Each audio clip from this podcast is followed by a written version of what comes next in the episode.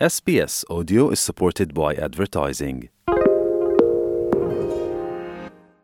SBS is Australia's most trusted multilingual broadcaster. Our listeners are loyal, highly engaged, and have supported countless local businesses. We offer advertising packages for businesses of all sizes. Our experienced sales team will guide you through the process of owning a great campaign. Bring your own ad or have our production team make you something in one of our 68 languages. Start the conversation with your new audience today. Email sales at sbs.com.au. तपाईँ SPS नेपालीको साथमा हुनुहुन्छ I saw one gun in the, the floor and police was stopping here. There was a lot of people die injured.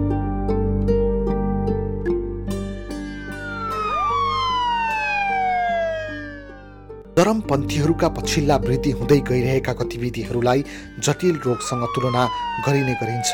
रोगको पहिचान र निदानको प्रक्रिया जस्तै चरमपन्थी प्रकोपहरूको उत्पत्ति र तिनका भौगोलिक र सामाजिक संरचनाहरूको सम्बन्धित अधिकारीहरूले गहिरो मूल्याङ्कन गर्ने गर्दछन्। तिनीहरूका गतिविधि कहाँ केन्द्रित छन् यो कसरी सरिरहेको छ र यिनीहरूको सङ्क्रमणबाट को बढी संवेदनशील छ भन्ने जस्ता विषयहरूको निगरानी गरिन्छ। गत जुनमा अतिवादी सम्बन्धी भिक्टोरियाली सरकारको एक छानबिनका क्रममा सान फ्रान्सिस्को स्टेट विश्वविद्यालयका प्राध्यापक जेम्स मार्टेलले अतिवादीसँगको प्रतिरोधका उपायहरू खोज्न र उनीहरूका बारेमा बुझ्न उनीहरूका कार्यहरूको नक्साङ्कन गर्नु जरुरी रहेको बताएका थिए In the US, I can attest to the development of this disease, which has grown in leaps and bounds. The disease begins to grow and spread. Once the disease really sets in, these subjects are unaffected by facts, science, or disapproval. I think they're suspended in a web of thoughtlessness, the fungus itself, where everything is already known and everything is already okay.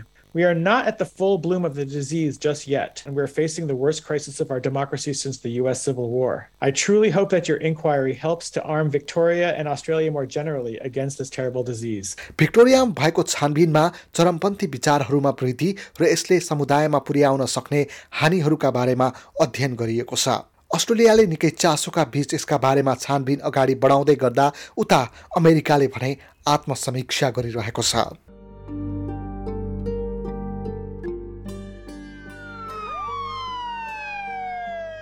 सन् दुई हजार एक्काइस अमेरिकामा एक अभूतपूर्व घटनाका लागि सम्झना गर्न योग्य वर्ष हो। अभूतपूर्व यस अर्थमा कि अमेरिकी इतिहासमै सम्भवतः दक्षिणपन्थी समूहहरूको सबैभन्दा ठूलो परिचालन भएको वर्षमध्येको यो एक हो। जनवरी छ तारिकका दिन पूर्व राष्ट्रपति डोनाल्ड ट्रम्पका समर्थकहरूले अमेरिकी क्यापिटलमा गरेको आक्रमण चुनावी नतिजाहरूलाई स्वीकार नगर्ने वा नतिजाको प्रमाणीकरणलाई रोक्ने एक कुटिल प्रयास थियो। तत्कालीन उपराष्ट्रपति माइक पेन्स सभामुख न्यान्सी पलेसी र अन्य राजनीतिज्ञहरूलाई खोज्दै हिंसात्मक भिड क्यापिटल प्रवेश गरेको थियो All of us here today do not want to see our election victory stolen by emboldened radical left Democrats, which is what they're doing, and stolen by the fake news media. That's what they've done and what they're doing. We will never give up. We will never concede. It doesn't happen. You don't concede when there's theft involved. Our country has had enough. We will not take it anymore. And that's what this is all about. उक्त घटनामा पाँचजनाको ज्यान जान पुग्यो भने घटनामा संलग्न रहेको आरोपमा संयौंलाई संघीय अपराध गरेको आरोप लाग्यो। जोसुआ फिचर भेल्स न्युयोर्क सहरमा अतिवादी समूहका बारेमा अनुसन्धान गर्ने संस्था काउन्टर एक्सट्रिमिजम प्रोजेक्टका अनुसन्धानकर्ता हुन्। उनी डोनाल्ड ट्रम्पले आफ्नो चुनावी हार स्वीकार गर्न नसक्नुको खतरनाक उदाहरणका रूपमा उक्त घटनालाई सम्झन्छन्। उनका अनुसार डोनाल्ड ट्रम्प अमेरिकी प्रोटोकलका हिसाबले प्रजातन्त्रका लागि खतरा हुन् र रहिरहनेछन्। The myth of stolen elections has the potential to be used in the future to sow discord and distrust, promote violence, and delegitimize future elections. Denying the results of an election when they are unfavorable to you goes against democratic principles and can empower right wing extremist groups and future authoritarians. हालै मात्र अति दक्षिणपन्थी समूह proud boys raw the बेसलाई New Zealand सरकारले आतंकवादी सूचीमा राखेको छ। प्राउड बोइजलाई न्युजिल्यान्डमा आतंकवादी समूह घोषणा गरिँदै गर्दा द बेसलाई बेलायत क्यानाडा र अस्ट्रेलियामा आतंकवादी समूह घोषणा भइसकेको छ। अमेरिकाको स्टेट डिपार्टमेन्टले भने विदेशी समूहलाई मात्रै आतंकवादी संस्थाका रूपमा सूचीबद्ध गर्ने गर्दछ। लिडिया खलिल शीघ्र प्रकाशनका क्रममा रहेको राइज अफ दि एक्सट्रिमिजमकी लेखिका हुन्। There were norms around a, a president um, conceding power. And so there was this erasure and erosion of norms that we took for granted. And that really clarified for me how important norms are rather than laws and legislation. Doctor David Smith United states studies सेन्टरमा राजनीति र विदेश नीतिका उपप्राध्यापकका रूपमा कार्यरत छन् उनका अनुसार यो घटना केसम्म सम्भव छ भनेर विश्वलाई डोनाल्ड ट्रम्पले देखाएको उदाहरण हो This was another example of the way that Trump showed the rest of the world's far right exactly what was possible. Trump just kept pushing the boundaries because he refused to be constrained by anything. And I think for a lot of far right actors, that was the lesson that they took. Just don't allow yourself to be constrained by anything. But these, these barriers that you think stand in the way are a lot weaker than they actually look. And if you just push hard enough against them, they're going to fall over. त्यसो भए अस्ट्रेलियालाई जोखिम र राजनीतिक अतिवादका हिसाबले कसरी तुलना गरिन्छ त अन्य पश्चिमी प्रजातान्त्रिक मुलुकमा नभएका सुरक्षात्मक संयन्त्रहरू अस्ट्रेलियामा रहेको बताइन्छ सन् उन्नाइस सय छयानब्बेमा पोर्ट पोथरमा पैँतिसजनाको ज्यान जाने गरी भएको घटनापछि अस्ट्रेलियाले हतियार सम्बन्धी कानुनलाई कडा बनाएको केहीले विश्वास गर्छन् प्राध्यापक खलिल यसमा सहमति जनाउँछिन् नकारात्मक तत्त्वलाई सन्तुलनमा राख्नका लागि अस्ट्रेलियाले थुप्रै मापदण्ड बनाएको उनी विश्वास गर्छिन् You know, things like compulsory voting. So we have the, less of that polarized political culture here.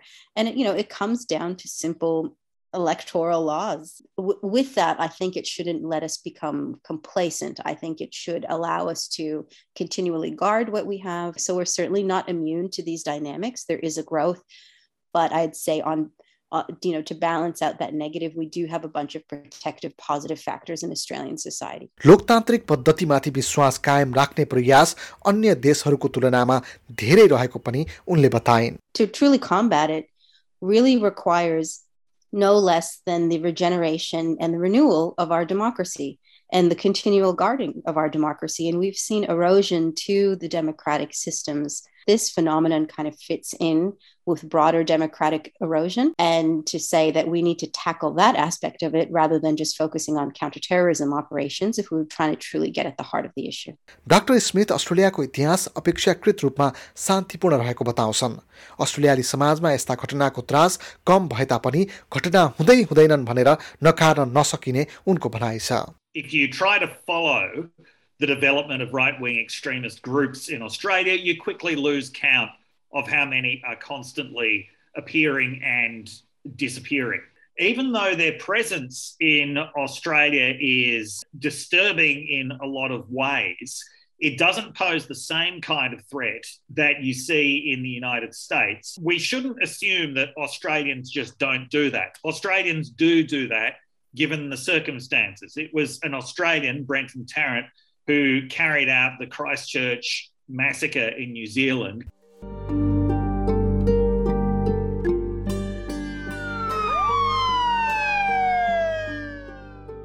This is one of New Zealand's darkest days.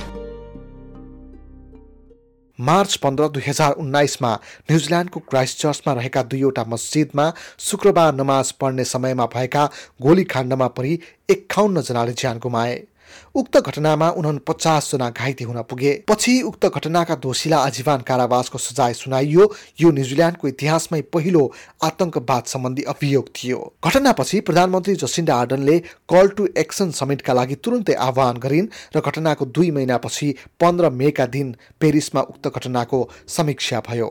Counter extremism प्रोजेक्टका जोसुवा feature base उक्त आह्वानले अन्तर्राष्ट्रिय खतराका बारेमा पहिचान गर्न सहज भएको बताउँछन् The Christchurch call currently has 54 government signatories as well as the European Commission, the Council of Europe, UNESCO, and multiple tech companies, including the largest social media and video streaming sites in in the US and Europe. Doctor David Smith उक्त घटनाले अतिवादी आक्रमणका घटना अमेरिकामा मात्र हुँदैनन् भन्ने कुरा सबैलाई झकझकाएको बताउँछन् This attack really made people realize that violent right wing extremism wasn't something that was unique to the US, that it's a major problem here. I think that that did have a, uh, a pretty significant effect in waking Australians and New Zealanders up to the threat that is, uh, you know, that is actually in in our midst. उनका अनुसार मक्वेरी विश्वविद्यालयको एक पेपरले कथाकथित आक्रमणकारीको घोषणा पत्रलाई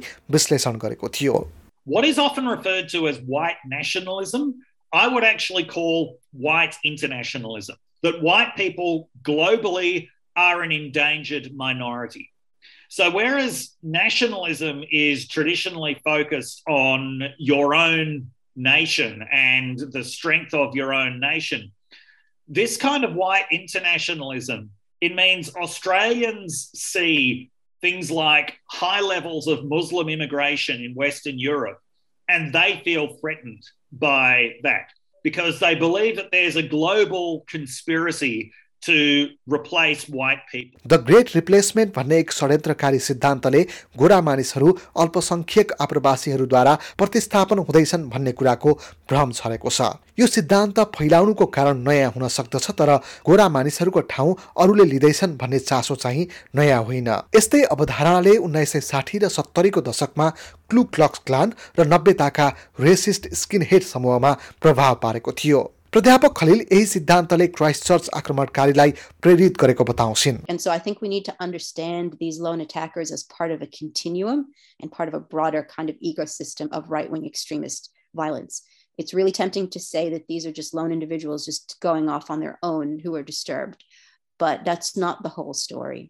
अस्ट्रेलियाको सुरक्षा सम्बन्धी संस्था Australian security intelligence अर्गनाइजेसनका निर्देशक माइक पुर्गेस संस्थाले हेर्ने आधाभन्दा बढी केस यस्तै प्रकृतिका रहेको बताउँछन् ASIO's focus is on a small number of angry and alienated Australians. We're seeing a growing number of individuals and groups that don't fit left right spectrum at all. Instead, they're motivated by a fear of societal collapse, a specific social or economic grievance, or conspiracy. Individuals who hold these views and are willing to support violence to further them are best and most accurately described as ideologically motivated violent extremists. उनका अनुसार संस्थाले गरिरहेको आतंकवाद सम्बन्धी अनुसन्धानमा पन्ध्र प्रतिशत अठार वर्ष मुनिका किशोरहरू रहेका छन् The number of minors being radicalised is getting higher, and the age of minors being radicalised is getting lower. Children as young as 13 are now embracing extremism, and that's happening with religiously motivated violent extremism and ideologically motivated violent extremism. As the Director General of Security, this trend is deeply concerning. As a parent, this trend is deeply distressing. As a nation, we need to reflect on why some of our teenagers are hanging Nazi flags and portraits of the Christchurch killer on their bedroom walls, and why others are sharing beheading videos. यता जोसिया fissure bridge भने समुदाय सचेत बन्नुपर्ने तर आफ्ना दैनिक गतिविधि भने नडराइकन गर्न सुझाव दिन्छन् Awareness is key. It's important to educate yourself about the threat posed by the extreme right to individuals and society as a whole. learning about the white supremacist movements and then also learning about what people have done in the past to expose them to create resilient communities is you know it's very important to to do that as well and to see how people have fought back against it online प्रलोभनमा परिरहेका कम उमेरका मानिसहरूलाई यस्ता गतिविधि वा विचारधारा त्याग्नका लागि सहयोग गर्न सकिने उनी बताउँछन् डाक्टर डेभिड स्मिथ पनि फिसर बर्ड्सको भनाइमा समर्थन जनाउँदै यस्ता गतिविधिमा संलग्न किशोरहरूलाई त्यहाँबाट बाहिर निकाल्न सकिने तर्क गर्छन् We shouldn't just go around distrusting everybody all the time. I wouldn't lose hope. We're talking about people um, at very confusing and demoralizing stages of, of their life, um, of their life in a world which they still don't know a huge amount about yet, being drawn to uh, to these radical ideologies. Um, I think, especially younger people, I think they actually can be persuaded out of those positions. I certainly think that young people who get radicalized can uh, be de radicalized in, in most cases, absolutely. I saw one gun in the, the floor, and police was stopping here. There was a lot of people die injured.